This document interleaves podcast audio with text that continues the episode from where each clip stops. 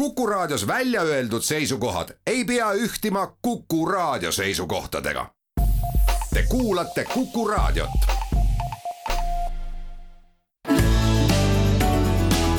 keskpäevatund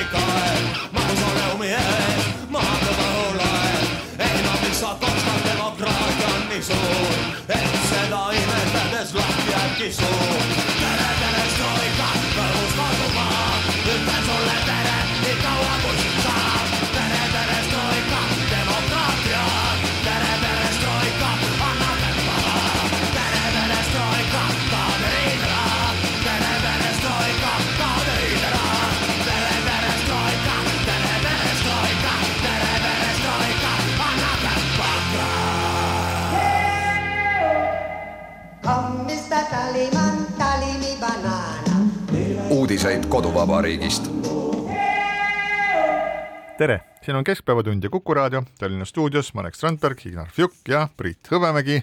kõigile kaunist suvist päeva ja kõigile meie parimad soovid Eesti taasiseseisvumise aastapäeva puhul on jälle üks aasta mööda läinud, mil me oleme saanud olla omas riigis ja nii nagu Villu Tamme selles laulus laulis, et ei no mis sa kostad, demokraatia on nii suur, siis äh, see laul iseenesest on ju suunatud hoopistükkis Narva linna elanikele, Narva volikogule ja kõigile neile inimestele, kes seal asju ajavad, sellepärast et äh, pärast äh, mööduvat nädalat võib ju julgelt öelda, et lõpuks ometigi on perestroika jõudnud ka Narva, uuenduse tuuled on hakanud seal puhuma, võttis jah, peaaegu kolmandik sajandit, aga ometigi see juhtus. Visalt, nii nagu see tank iseenesest, mis sealt postamendilt kriginaga maha veeti ja vaikselt Tallinna poole toimetati, nii on siis ka Narvas tõenäoliselt esimesed mõrad löödud sellesse monoliiti, mis seal on Nõukogude aja lõpust alates lösutanud. vot teistpidi vaadates jälle ju kui Katri Raik eelmisel aastal enne kohalike omavalitsuste valimisi iga narvalase pead paitas ja sõbralikuna ringi käis ka lootuses, et seal kohapeal elavad ahjualused teda ka moel teisel austama hakkavad ja vormiliselt ju austatigi, valimistulemus oli hea, siis tegelikult tänasel hetkel on ka see nii-öelda edulugu mõranema löönud ja tõenäoliselt ei ole tal linnapeaga peana enam seal väga pikalt pistmist, nii et ega keegi ei olegi öelnud, et demokraatia on lõplik võit, vaid pigem pidev võitlus ühe või teise idee pärast ja seda me hakkame seal nägema. loomulikult Narva puhul, kui vaadata ka kõiki neid või vähemalt ühte neist pöördumisest nüüd mingisuguse ku kuriteos süüdi mõistetu poolt, mida ta avalikuks teinud on, kus ta Putinit appi palub, et see tuleks ja eestlastele mõistuse päevaks, ehk me hakkame siin igal päeval nägema tõenäoliselt aina rohkem ja rohkem kõikvõimalikke veidrusi, aga veel kord, sellega ma olen nõus, mädapaise Narvas on nagu läbi lõigatud ja paranemiseks on lootust päris palju, aga see on ka teistpidi üsna karm tõdemus, et mingit sisulist integreerumist ja integratsiooni pole tegelikult sealkandis, vaatamata meeletutele rahasummadele, mis selle peale kulutatud on, siiski toimunud. nii nagu pronksi ajal tuli see monument sealt Tõnismäelt kiiresti ära eemaldada, samamoodi, et vältida edasisi konflikte, pidi ka tank ja teised Narvas olnud punamonumendid väga kiiresti sealt eemaldama, mida ka valitsus väga tarmukalt ja hästi tegi. tank pole olnud kunagi osa meie ajaloost, meie mentalita-, mentaalsusest, meie vaimsusest, see on naaberriigi vallutussõdade ikoon, mille eesmärgiks, et ta seal, ta sinna püstitati või kus ta lähiriikidesse on veel püstitatud taolisi tanke, et liita lähivälismaal nii-öelda, see on nüüd Vene enda äh, mõist, mõiste, termin, liita elavaid venelasi lähivälismaal, sisestada neile seda imperialistlikku, suurvenelikku ambitsiooni ja kohtadel taastoota viiendat kolonni. nüüd see sõda Ukrainas on kõike seda võimendanud, toonud selle nii-öelda mustuse äh, pinnale ja selles kontekstis nüüd vaadata, kuidas Narva võim mida linnapeana juhib äh, Raik, on kahetised, ühelt poolt mulle ei meeldinud see, et ta nii-öelda nii-öelda selle protsessi alguses sõnastas minu meelest just nii-öelda vastaspoolele positsiooni, miks seda tanki tohiks eemaldada. ta andis nii-öelda inkrimineeris neile teatud sovetlikku meelelaadi ja omistas neile tankina mingisugust väärtust, unustades seejuures, et tank Eesti Vabariigi kontekstis ei saa olla mingi väärtus. aga kui nüüd ma heitsin pilgu lihtsalt meeldetuletuse korraks vaatada, kes Narvas elavad, siis täpselt nii nagu aastal kolmkümmend, nelikümmend aastat tagasi, aasta kaheksakümmend üheksa, elab ka praegu Narvas alla nelja protsendi eestlasi. kogu selle kolmekümne ühe aasta jooksul ei ole see protsent suurenenud. ja kui me nüüd paneme ükskõik millise poliitiku sellesse konteksti, kus tema rahvuskaaslasi on seal alla nelja protsendi siis ma tahaks näha, millist retoorikat te teeksite, et te võimul oleksite. no mitte mingit sinna... ilmselt täpselt samasugust, nagu Raik on teinud. täpselt, ja seetõttu paremat valikut tema asemele seal panna ei ole, kui me ei tahaks sinna panna Keskerakonda, kelle esindajad seal on, see Stalnuhhin või Yana Toom, kes on sealt valitud Europarlamenti, räägivad lahtise tekstiga, et russki mir peab Eestis õitsema, kasvama ja Narvas ka valitsema. no aga siit tulebki seesama võtmeküsimus, et ega meie ei panegi Narva elanikud panevad nii palju, kui on Eestis antud seadusega õigust valida välismaalastel või nii-öelda siin elavatel välismaalastel, kellel pole kodakondsust ja kellel on hall pass, kohalikke volikogusid, siis nad täpselt sellise valivadki, see ongi see demokraatia, mis seal on. ja noh, Katri Raigi püüd selles kontekstis midagi natukene paremaks teha on loomulikult märkimist väärt, aga jällegi, ega see on nagu vestlus ahjualusega, ahjualusel on muu plaan, pada tühjaks süüa. Noh, piltlikult öeldes, eks ole, et aga, aga see tähendabki seda, et meil on nagu lood need, mis määravad ära inimese ja kui me ei anna seal ka sellele neljale protsendile eestlastele võimalustki äh, valimisseadusega mingitki moodi kujundada Eesti keskkonda, siis loomulikult see neli protsenti ei kasva kunagi ei nelja, neljakümneks ega, ega suuremakski, sellepärast et võimalusi ei ole. aga ma ja, nüüd küsiks ja... sult vahele, Marek, et kas sa tead, palju on eh, nii-öelda Eesti kodanikke Narva seas? Ma ei tea seda väga vot, aga mina tean, ma ka selle vaatasin Vaat- internetist järgi, nelikümmend üheksa protsenti. Ja Ukraina sõja kontekstis see kasvab väga kiiresti. nii et järgmisteks kohalike omavolikogude valimise kontekstis ma arvan, et Narvas on juba kuuskümmend protsenti Eesti kodanik. nii et praegu loota, et me midagi olulist muudaksime, kui me võtaksime nii-öelda mittekodanikelt ja Vene passiga inimestelt valimisõiguse ära, siis me loomulikult Narvas mingi muutuse toome. ma arvan, et mujal Eestis see kõik on nii hajutatud, et ka Tallinnasse ei teki see Tallinnas mingit nii muutust. nagu Olari Koppel, kes ütles, et see on väga ebamõistlik rääkida äh, oma sotsiaalmeedia postituses sellest, et äh, Vene kodanike ja muude riikide kodanike hääleõiguse äravõtmine kohalike omavalitsuste valimistel mõjutaks midagi, siis ikkagi lõppkokkuvõttes on Eestis umbes sada nelikümmend tuhat inimest, kes on välismaalased või välismaalase passiga. ja öelda nüüd, et sada nelikümmend tuhat inimest ja nende valikud ei mõjuta mitte mingit moodi kriitiliste linnade, milleks on Tallinn, Narva, Kohtla-Järve, Sillamäe ja muud Ida-Viru linnad, seal olevat volikogu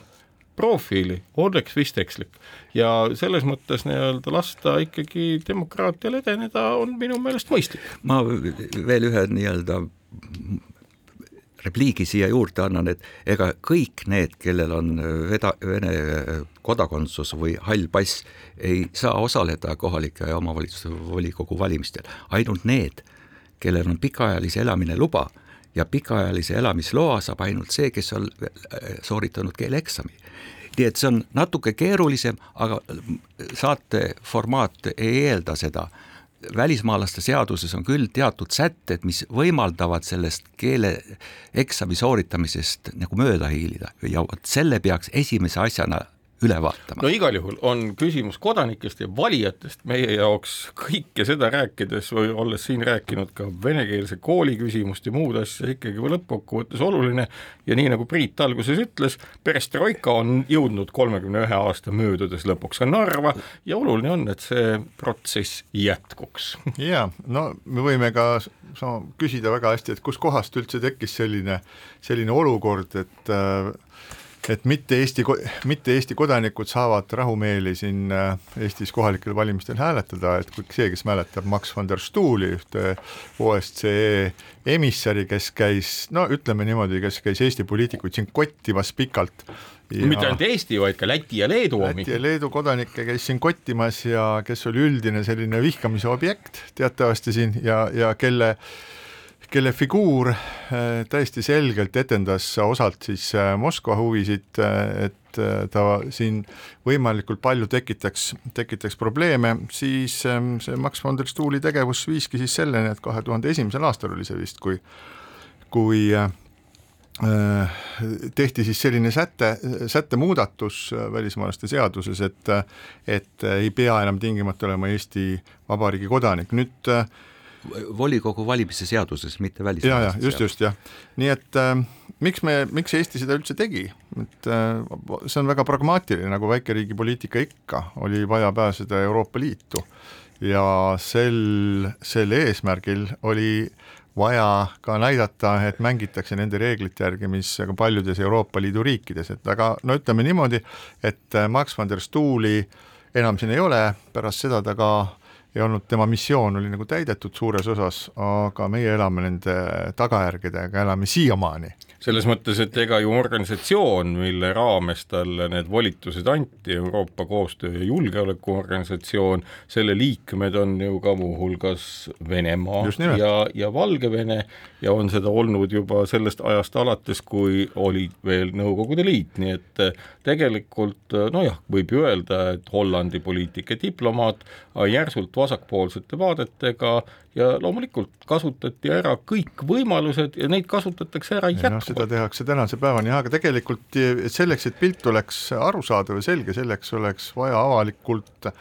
küll teada seda, et kui palju erinevate riikide kodakondsusega isikuid siin on ja kui palju on siis ka Vene kodakondsuse isikuid, et kodakondsusega isikuid, et eks seda saab siin keeruliste ristarvutuste ja välistamisega enam-vähem teada, aga tegelikult ei pea need inimesed, kellel on Vene, Vene kodakondsus, neid, seda küll mitte kellelegi ütlema, et minu teada ükski Eesti, Eesti seadus ei nõua, et inimene, kellel on teine kodakondsus, peaks seda siis Eesti riigile üles tunnistama, kuigi samal ajal Eesti Vabariik ei luba siis topeltkodakondsust. mis tähendab seda, et põhimõtteliselt ju kui need inimesed rändavad kord ühe, kord teise passiga, on riik õigustatud kindlaks tegema, millistel inimestel on topeltkodakondsus ja sellist nii-öelda meelsuse leket, noh, ma ei ütle, et kõik peaksid olema eestimeelsed, aga igal juhul nii-öelda me oleme täna näinud seda, kuidas noh, väga tugevas Vene maailma infoväljas viibides inimesed lihtsalt muutuvad täiesti teistsugusteks ja hakkavad korrutama ühte ja sama juttu, noh, ega me ju teame, aju on mõjutatav, inimese meelsus on mõjutatav ja me ei peaks sallima seda, et sellised asjad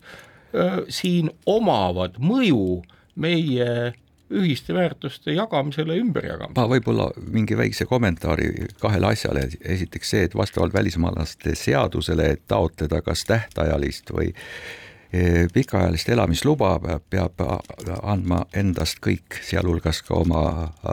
kodakondsuse üles, kui sa seda ei ütle või valetad selle suhtes, siis sa jääd igasugust elamisloast koheselt ilma. jaa, aga sanktsiooni vaevalt... ei ole siis, kui sa seda ei ütle, jätad enda teada? ei, selle peab ütlema, seda lahtrit ei saa mitte jätta, jätta täita. sa ei saa kontrollida, kui Tuula obastis pere Mõsljavski miilitsajaoskonnas on välja antud pass, et sa ei saa iial mitte kuidagi seda kontrollida ja see on, see on väga paljude nende inimeste probleem aga okei okay,, aga see põhjus, miks see Van der Stuhl sai siin nii edukalt oma missiooni läbi viia, oli ka mitte ainult tema positsioonilt öeldu, vaid ka seda, nii palju kui ma tean ja olen uurinud, oli ka NATO pool, NATO-poolne seisukoht, me ei olnud siis NATO liikmed ju, noil aastatel enne seda ju Moldovast võeti tükk ära. et meile öeldi, et, et NATO-sse, kui te tahate tulla, siis NATO ei ei taha, et NATO ühel idapiiri riigis oleks mingisugune relvastatud konflikt või, või mingisugune probleem Venemaaga. ja, ja tõepoolest, kui nüüd alati on öeldud, et näed, Läti eh, kohalike volikogude valimisseadus ei võimalda mittekodanikel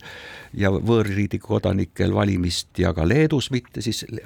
asi ongi väga lihtne, et Lätis pole ühtegi piirilinna Venemaaga, suurim ja suurema vene elanikkonnaga linn on Daugavpils, mis on hoopis Valgevene ja, ja, ja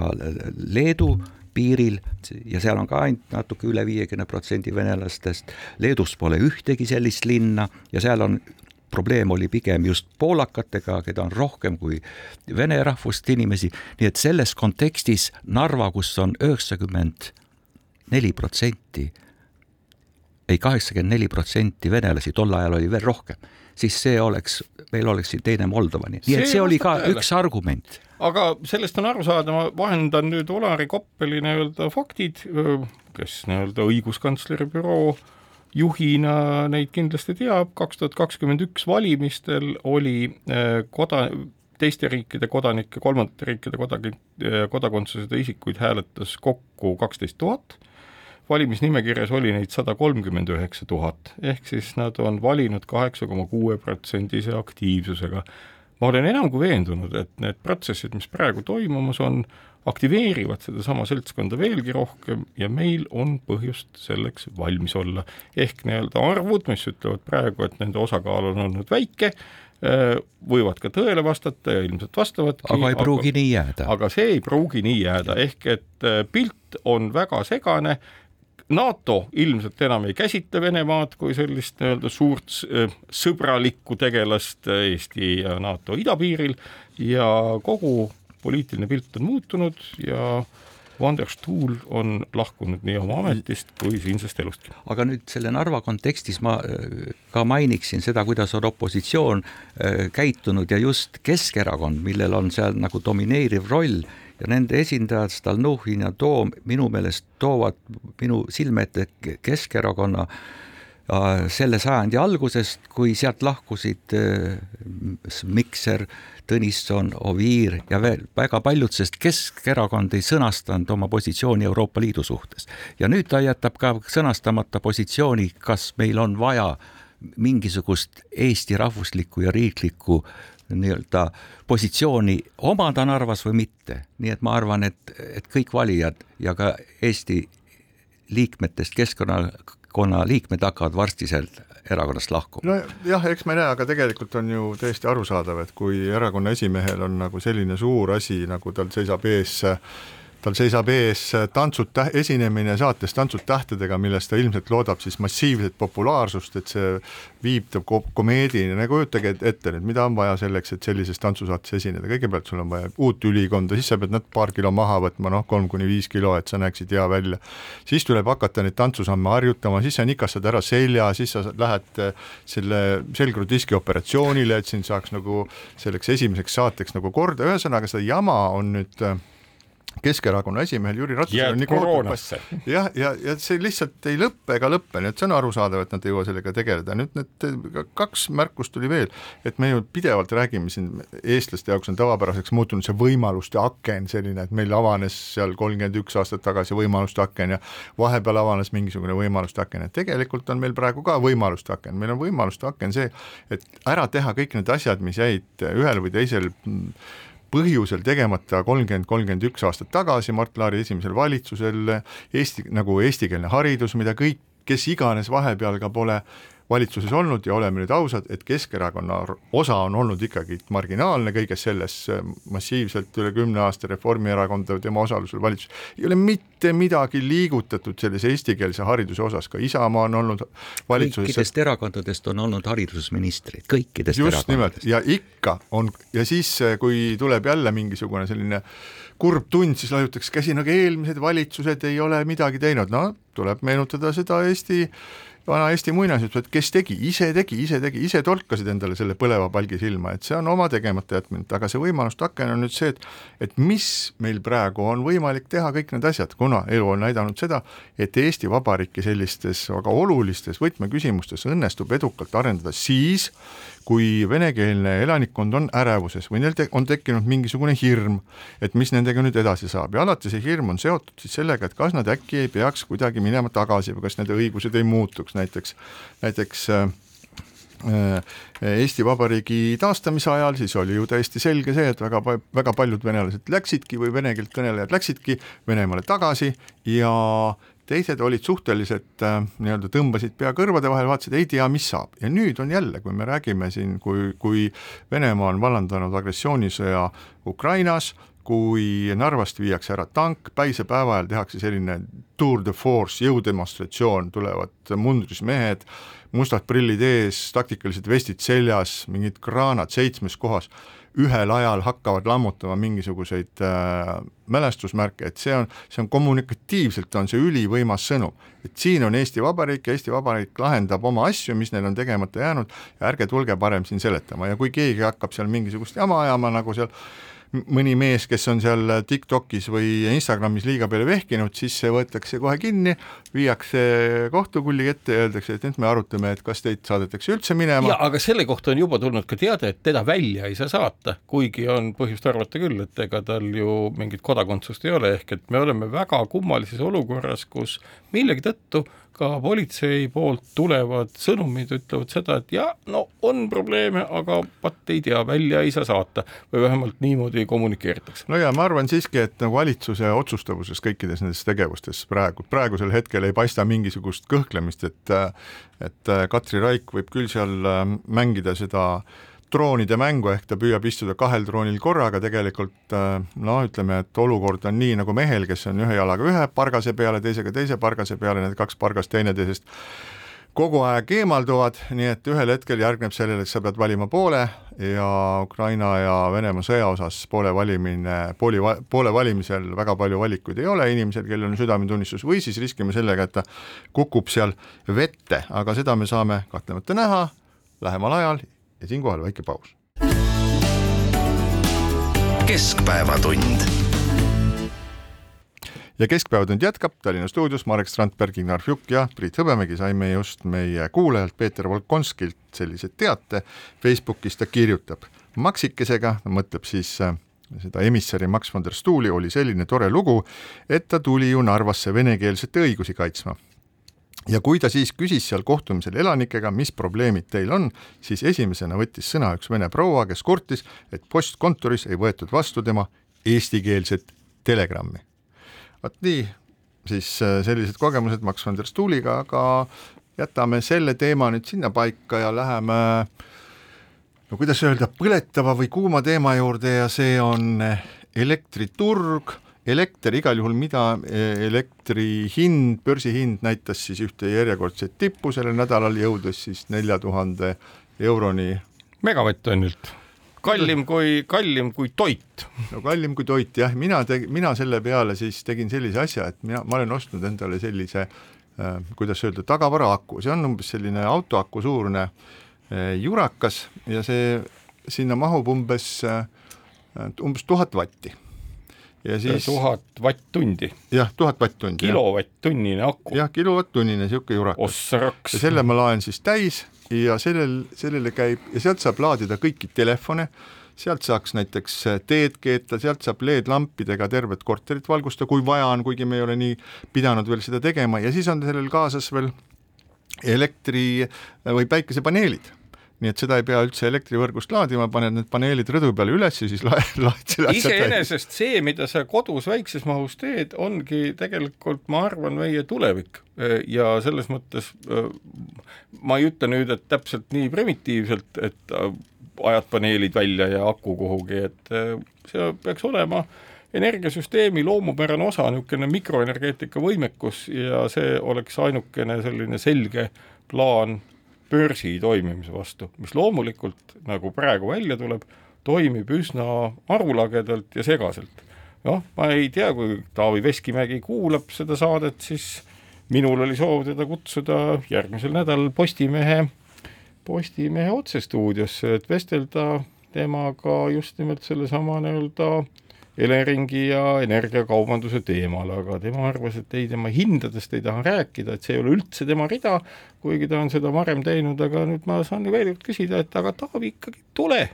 räägime sellest, mida kujutab endast kogu see eh, Elering, eh, lingid Soome ja mis nendega toimub, sellepärast inimesed tahavad teada. see, et see tundub sulle mitte sinu rida olevat, on küll õige, võib-olla ei olegi, aga inimesed tahavad aru saada, mis toimub. ja me ei teagi, mis toimub, selles mõttes Konkurentsiamet ju uurib seda, et kas energiaturul on olemas mingisugused manipulatsiooniilmingud, kui nüüd vaadata laiemalt, siis tegelikult hakkab aina rohkem ja rohkem välja joonistuma üks huvitav link ja nimelt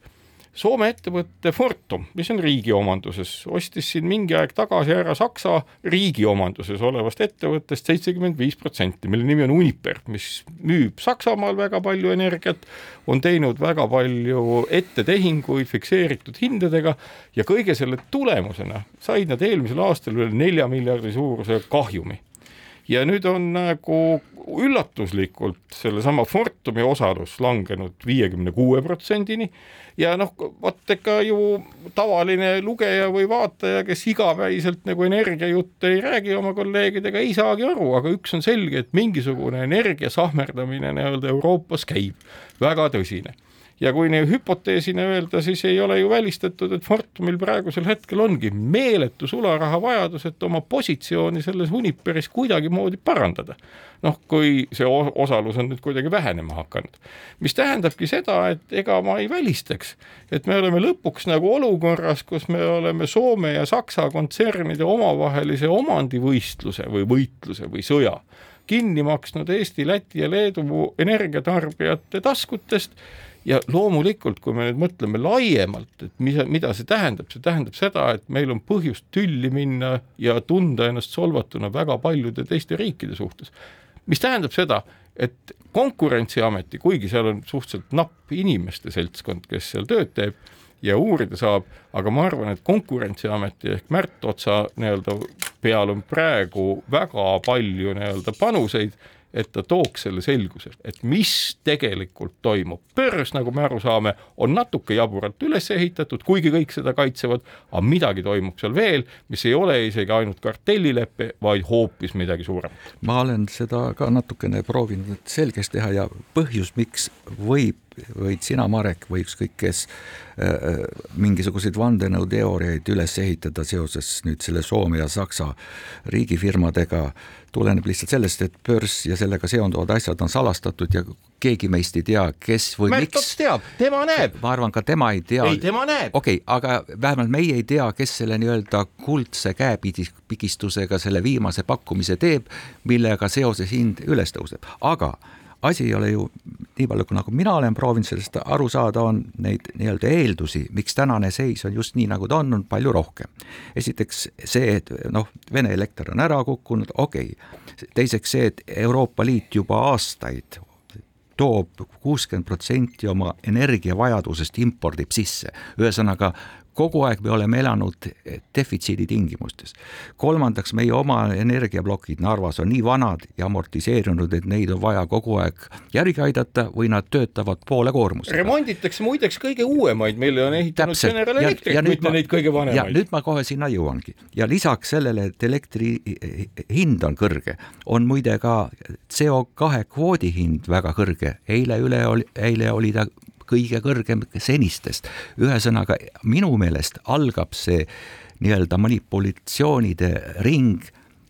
eh, manipulatsioonidest CO2 kvoodiga, mis on tavalisel aktsiabörsil on manipuleerida mingi hind kõrgeks ja siis osta tagasi ja siis toimetada on kõige kergem, nii et ühelt poolt krutitakse CO2 kvoodi hind üles ja siis tekib olukord, et nii-öelda meie eh, tootmised, mis tuginevad fossiilkütustele, neil ühel hetkel ei ole mõtet enam üldse toota, sest kasulikum on mitte osta CO2 kvooti ja toota energiat vähem sest sellega sa saad palju rohkem kasumit. ja, ja seetõttu ma arvan, et me peame minema nii ühelt poolt kogu selle CO2 kvoodi süsteemi läbi vaatama, läbi valgustama Just. ja teiselt poolt kõik, mis puudutab manipulatsioone ka kes teeb viimase pakkumise ja miks ei võeta nii-öelda mediaan keskmist, kus äärmised jäetakse kõrvale või, või ja nii edasi ja nii edasi. nii et kogu selles kontekstis mul tuleb meelde kunagi väga hea sõbrana, aga ta elab veel praegu Eesti era erastamisagentuuri nõunik Herbert B. Schmidt, kes meil aitas nii-öelda seda erastamist üles ehitada, ta ütles, turumajanduse esimene tugipiilar on Konkurentsiamet ja järelevalve. kui seda ei ole, täpselt, ja läbipaistvus, kui seda ei ole, siis unustage turumajandus Eesti selle Nord Poolil pole mingisugust pistmist turumajandusega. ja nii see on, et äh, kui me nüüd, sa rääkisid nendest äh, süsinikukvootidest, siis see on see nende kauplemissüsteem, ETS süsteem on siis see põhimõtteliselt see on, see on, see on kauplemine, kus tegutsevad äh, spekulandid ja ma ei mõtle nüüd seda spekulanti siis nagu mingisuguses veneaegses nagu tähenduses. spekulant on väga positiivne majandustermin. kes, kes jah, et kes kuskil nurga taga kuldhambaid müüb ja siis vahetab need teksaste vastu, ei, aga et äh, Need on inimesed, kes, kelle elatis see on, kes sellega teenivad raha, nad ostavad seda kokku ja siis müüvad teistele pärast edasi ja selge see, et et selle hinna vahe pealt teenimine on üks nende eesmärke. Ja nüüd see ETS, see on see niinimetatud ETS-süsteem, ETS-süsteemiga nii vähemasti nagu peaminister Kaja Kallas on öelnud, et süsteemiga Euroopa tasandil tegeletakse, et seda süsteemi, mida, mis iganes seal siis tehakse, ma ei tea, kas pannakse seal mingisugune lak-, tõenäoliselt mingisugune lagi, vaadatakse seda kauplemissüsteemi ka, aga see on siis nagu Euroopa Liidu tasandil on nagu selge, selge juba, et, et et see tekitab seda kõrget energiahinda. Ja siis alati on ju tore vaadata et alati on tore vaadata seda, mida siis tähtsad inimesed on öelnud sellesama asja kohta juba palju aastaid tagasi ja kui me vaatame näiteks Ärilehte aastal kaks tuhat kolmteist, siis ütleb siin Hando Sutter ja ma tsiteerin, börsil ei saa hind olla anomaalselt kõrge, vaid hind sõltub müügipakkumistest, ostupakkumistest ning turule antud riikide vahelistest ülekandevõimsustest, võimsustest. nii et äh, Hando Sutterile võib ka öelda, et miks ei saa, saab ju küll saab ju küll, sellepärast et me iga jumala päev seda oma naha peal jälle tunneme, vaadates mobiiltelefonist seda äppi, mis näitab meile, et jälle on, lendab kuskil üles taevasse. Mina võrdlen seda sellega, et kui seal nii-öelda see äh, praegune oksjonisüsteem, mis tundub mulle täiesti absurdne, et äh, tipupakkumisel on seal auk, noh, nagu ma aru saan, võib olla ühel tootjal olla kolm elektrijaama ja paku, pakub nendest ainult üks mis äh, minu meelest on ilmselge märk sellest, et äh, manipuleeritakse hinda ja siis tuleb välja, et see üks töötab ka kuivatatud öökullidega, et, et see on erakordselt kallis ja siis me näeme, meil on neli tuhat eurot juba olnud. Äh, öökull on koguni keelatud kütus. just nimelt ja keelatud, selle tõttu eriti kallis veel, eks aga ole. nüüd tänane päev on meid toonud nüüd sellesse hetke, kus valitsus jälle kaalub, keda või mis, mil viisil toetada, et tarbijad saaksid nii-öelda energia eest tasumisega hakkama ja valik on langenud ainult kodutarbijale, ma arvan, et see nüüd ei ole päris õige seisukoht, sest lõpuks on niimoodi, et elektrit tarbivad ka ettevõtjad, on ettevõtteid, kus sisend elektri näol on nii suur et tänase elektri hinna juures juba nad lähevad pankrotti või lõpetavad tegevuse, mille tulemuseks nii-öelda kodutarbijad kaotavad töö, kaotavad palga ja neid ei aita siis enam see nii-öelda valitsuse poolt antud toetust, nii et minu meelest peab toetama nii kodutarbijad kui ettevõtjad ja teine moment, mis mul hakkas, kargas silma üks päev, see, et esimese poolaasta puhaskasum Eesti Energial oli eelmise aasta sama perioodiga võrreldes kolm tuhat nelisada kuuskümmend kaheksa protsenti. kuidas on võimalik, et üks riigifirma, mille üldkoosolek on Eesti Vabariigi minister, väljastab tarbijale tuimalt juba kuid nii pööraseid elektriarveid, kas see on võimalik selle tõttu, et inimestel, kes on, noh, kõigepealt tuleks küsida peamine küsimus kes on alla kirjutanud selle liitumise selle Nord Pooliga ja kui möödapääsmatu see üldse reaalselt olnud on, sellepärast et kõik täna ju ütlevad ei, ei, see on Euroopa Liidu poolt nõutud tingimused, ollakse sellise börsi osalised täpselt neil tingimustel, ma arvan, et siin on põhjust kogu see ahel läbi analüüsida, sellepärast et äh, on selge et Nord Pooli kauplemisreeglid ei sobi kriiside jaoks. Ja seda on kirjeldatud ka juba aastaid, paar aastat tagasigi tehtud artiklites, kus on öeldudki, et jah, tõepoolest on teatud mehhanismid puudu. Ja tänasel hetkel, kui me näeme, kuidas erinevate asjade koosmõjus see börs läheb täielikult lappama, on meil viimane aeg saada detailne kirjeldus selle kohta, mis on toimunud ja kuhu nii. see raha on just läinud. ja Hando Sutter, kelle tsitaati ma ennist lugesin ette, kes ütles, et mingisugused anomaaliad ei ole võimalikud, oli sel ajal, kahe tuhande kolmeteistkümnendal aastal, kui ta seda ütles, Nord Pooli Eesti harujuht ja täna on ta Eesti Energia juht, kes teenib siis üle kolme poole tuhande protsendi tõusnud kasumit ja siinkohal väike paus. keskpäevatund. ja Keskpäevatund jätkab Tallinna stuudios Marek Strandberg, Ignar Fjuk ja Priit Hõbemägi. ja meil on siin mitmesugused valikud, kas rääkida karudest, keda metsad kubisevad, ühed inimesed ütlevad, et neid ei tohi seal mingil tingimusel küttida, las nad elavad ja paljunevad, sest ka nemad on ju inimesed ja inimesi on meil Eestis teatavasti vähe. eriti karud. ja eriti karud just nimelt, või siis peaksime rääkima hoopistükkis uuest erakonnast, kas ta on tsentristlik, parempoolne, liberaalne, libertaarne või mis iganes kõik need sõnad on, aga igal juhul äh, parempoolsed on ennast äh, siis asutamiskoosolekuga kaardile kinnitanud, tõenäoliselt siis Kristjan Vanasel ja Saaremaa kodus ka pidutsenud korralikult äh, pärast seda sündmust. Ja mis me siis nüüd peaksime tegema, et eks me peame siis istuma nii-öelda äh, sõrmed surutud põlvede vahele ja ootama pingsalt eh, kevadisi valimisi, kui siis ka parempoolsed, selline pisikene hulk inimesi, kes mahuvad ühte tuppa, otsustab minna valimistele, nende juhiks on siis eh, endine prokurör Lavly Perling ja kes siis põhimõtteliselt moodustabki kõ-,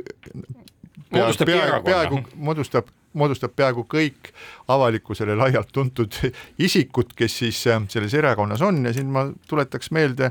mõningaid uurijaid, näiteks äh, poliitika ja sotsioloogia uurijat Mansinit, kes ütleb, et tänapäeval on kõige olulisem asi erakonnal, poliitilisel erakonnal on tema sõnum, selle sõnumi kandjaks on persoon ja selle persooni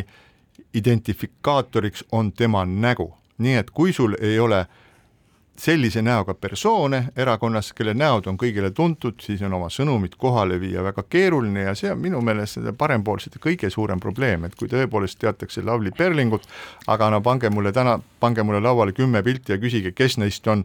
Kristjan Vanaselja, no võib-olla Kiisleri tunnen ma ka hädaga veel ära, aga sellega on ka kõik. üks asi veel, mis parempoolsetega seotud on ennem äh,,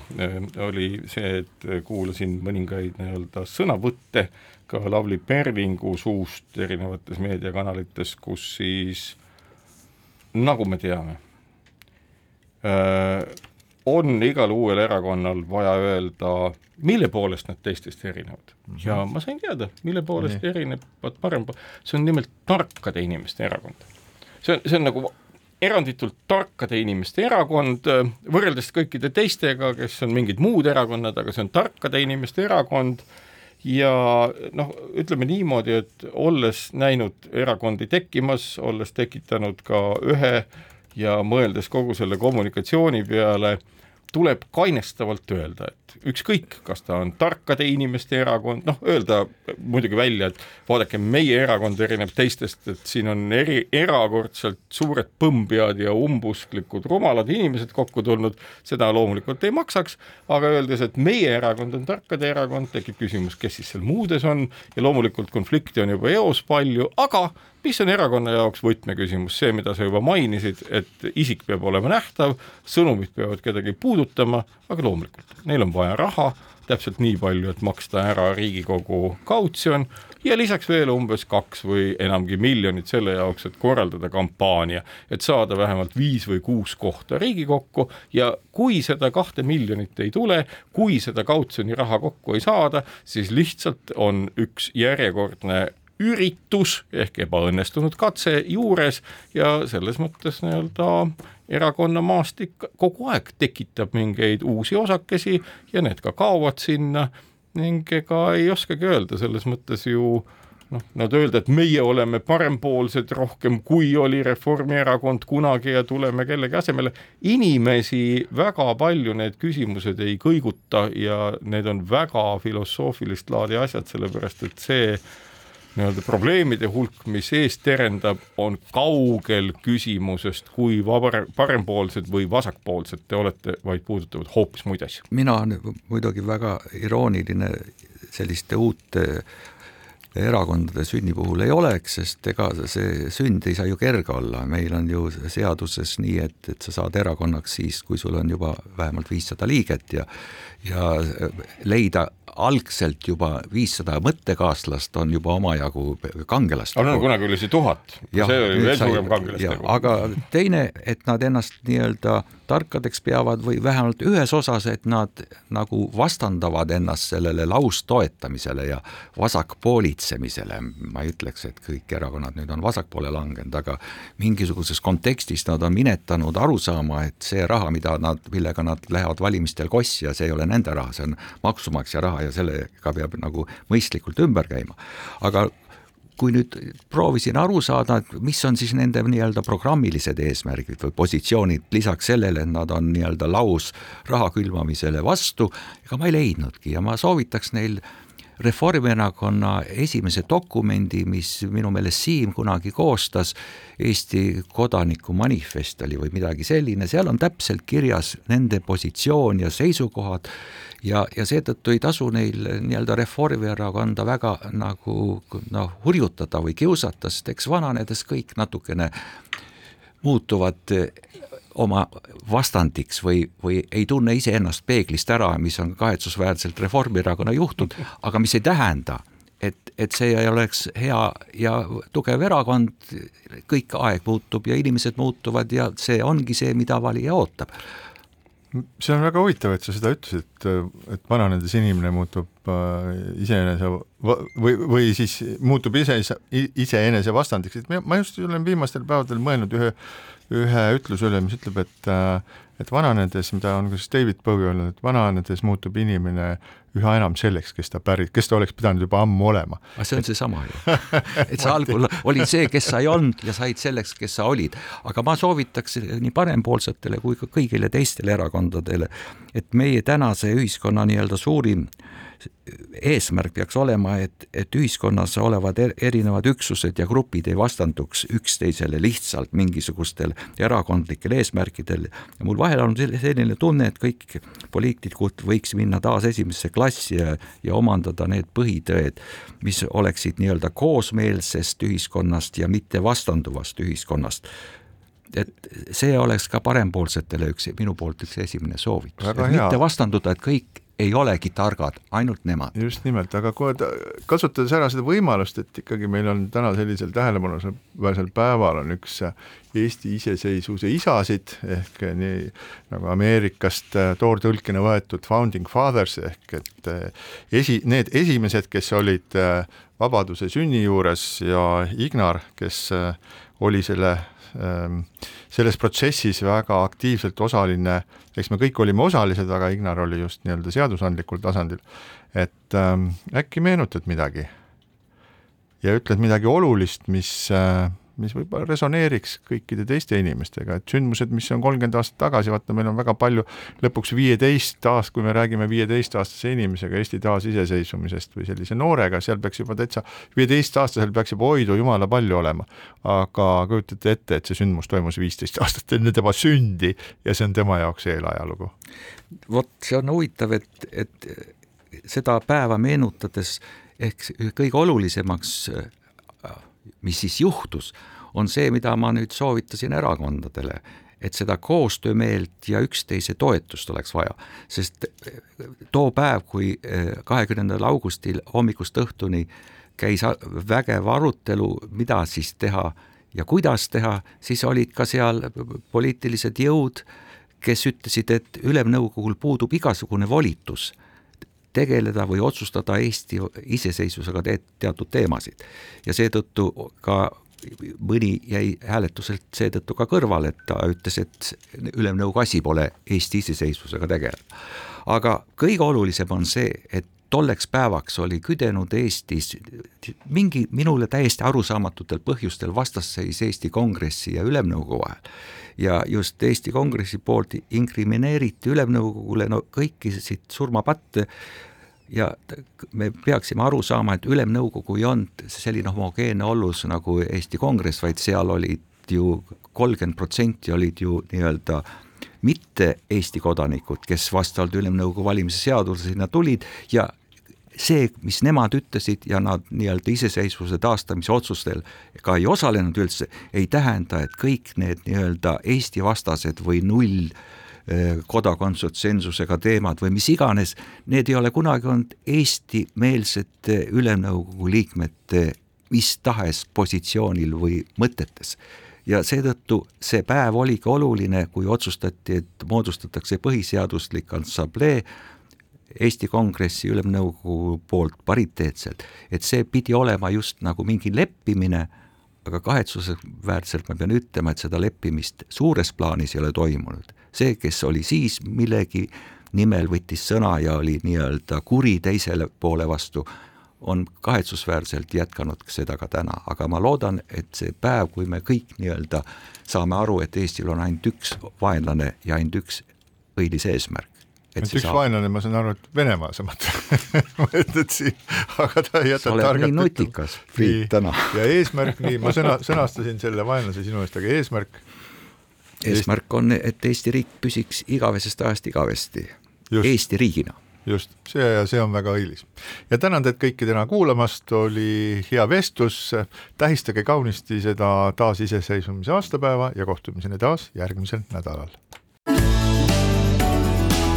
keskpäevatund